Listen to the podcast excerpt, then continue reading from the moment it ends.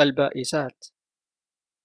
زرت منذ أيام حاكم بلدة في منزله فرأيت بين يديه فتاة في الثانية عشرة من عمرها بائسة عليلة تشكو ألما في عنقها وجرحا في ذراعها وهما في نفسها وتدير في الحاضرين عيونا حائرة مضطربة كأنما ركبت على زئبق رجراج فسألت ما شأنها فعلمت أن أهلها زوجوها وهي في هذه السن وعلى هذه السذاجة من رجل وحشي الخلق والخلق ثم زفوها إليه فحاول أن يفترشها وهي على حالة لا تستطيع معها أن تلم بفراش فامتنعت عليه فأراد اغتصابها فعجز فضربها هذا الضرب الذي رأينا آثاره في جسمها ففرت منه إلى منزل أهلها فنقموا منها هذا الإباء الذي سموه بلادة أو غفلة. وأعادوها إلى منزل زوجها كما يعاد المجرم الفار من السجن إلى سجنه مرة أخرى. وهنالك عاد زوجها إلى عادته معها فعادت هي إلى فرارها. فعاد أهلها إلى قسوتهم وجبروتهم. فلما أعياها الأمر خرجت إلى الطريق العامة هائمة على وجهها لا تعرف لها مذهبا ولا مستقرا. حتى رفع إلى ذلك الحاكم شأنها بعد أيام. فآواها إلى منزله ليخلصها من ذلك الموقف الذي كانت فيه بين ذراعي وجبهة الأسد. وما فرغ من هذه القصة حتى رفعت إليه حادثة أخرى تشبه الحادثة الأولى من جميع وجوهها. إلا أن الزوج في هذه المرة خدع زوجه عن نفسها وسقاها مخدرا فعقرها كما عقر شقي ثمود ناقته من قبل. إن المرأة المصرية شقية بائسة ولا سبب لشقائها وبؤسها إلا جهلها وضعف مداركها. إنها لا تحسن عملا ولا تعرف باب مرتزق ولا تجد بين يديها سلعة تتجر بها وتقتات منها إلا قلب الرجل. فإن استطاعت أن تمتلكه عاشت عيشا رغدا أو لا فلا مفر لها من الشقاء من المهد إلى اللحد. ودون امتلاكها هذا القلب القاسي المتحجر أهوال عظام وعقبات لو كلف الرجل على ما به من قوة وأيد وسعة حيلة أن يجتاز عقبة واحدة منها لسقط بين يدي اليأس والاستسلام. متى بلغت الفتاة سن الزواج؟ سواء أكان ذلك على تقدير الطبيعة أو تقدير أولئك الجهلاء أولياء أمرتين كالفتاتين. استثقل أهلها ظلها وبرموا بها وحاسبوها على المضغة والجرعة والقومة والقعدة ورأوا أنها عالة عليهم. وأن لا حق لها في العيش في منزل لا يستفيد من عملها شيئا. وودوا لو طلع عليهم وجه الخاطب يحمل في جبينه آية البشرى بالخلاص منها.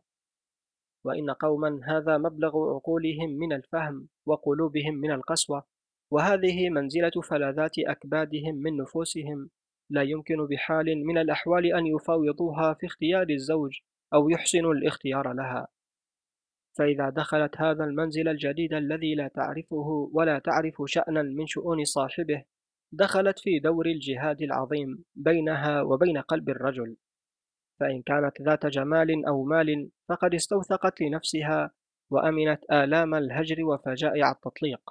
وإلا فهي تقاسي كل صباح ومساء في الحصول على الحسن المجلوب والجمال المصنوع. آلاما جثمانية تطفئ نور شبيبتها وتذبل زهرة حياتها. وتلاقي في سبيل مصانعة الزوج ومداراته. البكاء في موضع الابتسام إن ابتسم والابتسام في موضع البكاء إن بكى. ما يجعل أخلاقها فضاء مملوءا بالكذب والكيد والخبث والرياء. وهي على ذلك تنتظر من فم زوجها في كل ساعة كلمة الطلاق كما ينتظر القاتل من فم قاضيه كلمة الإعدام.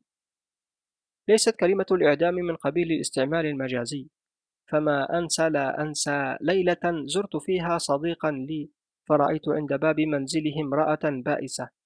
ليس وراء ما بها من الهم غاية وكأنما هي الخلال رقة وذبولا.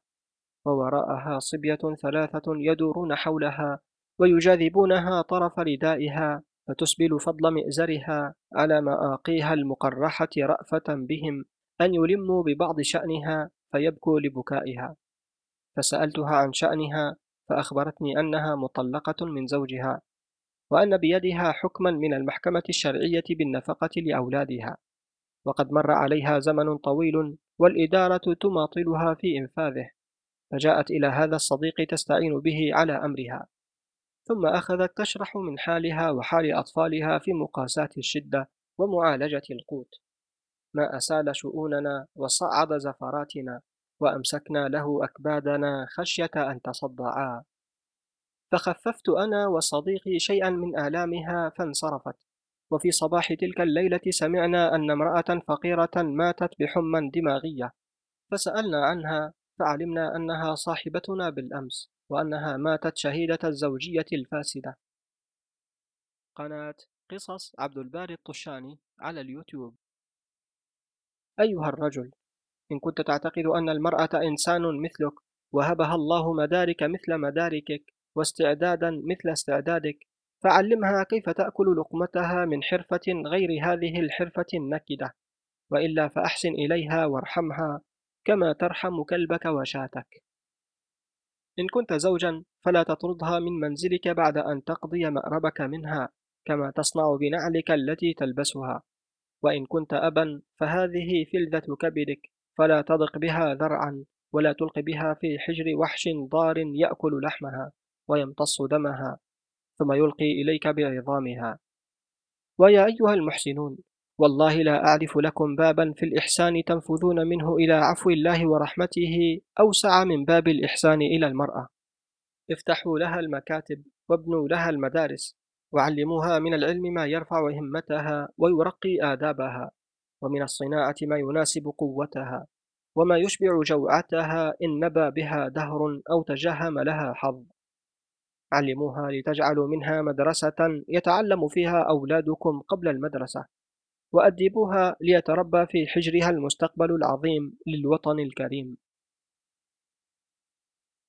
من كتاب النظرات لمصطفى لطفي المنفلوطي بصوت عبد البارئ الطشاني. شاهد أيضا أحد هذه الفيديوهات الظاهرة أمامك على الشاشة.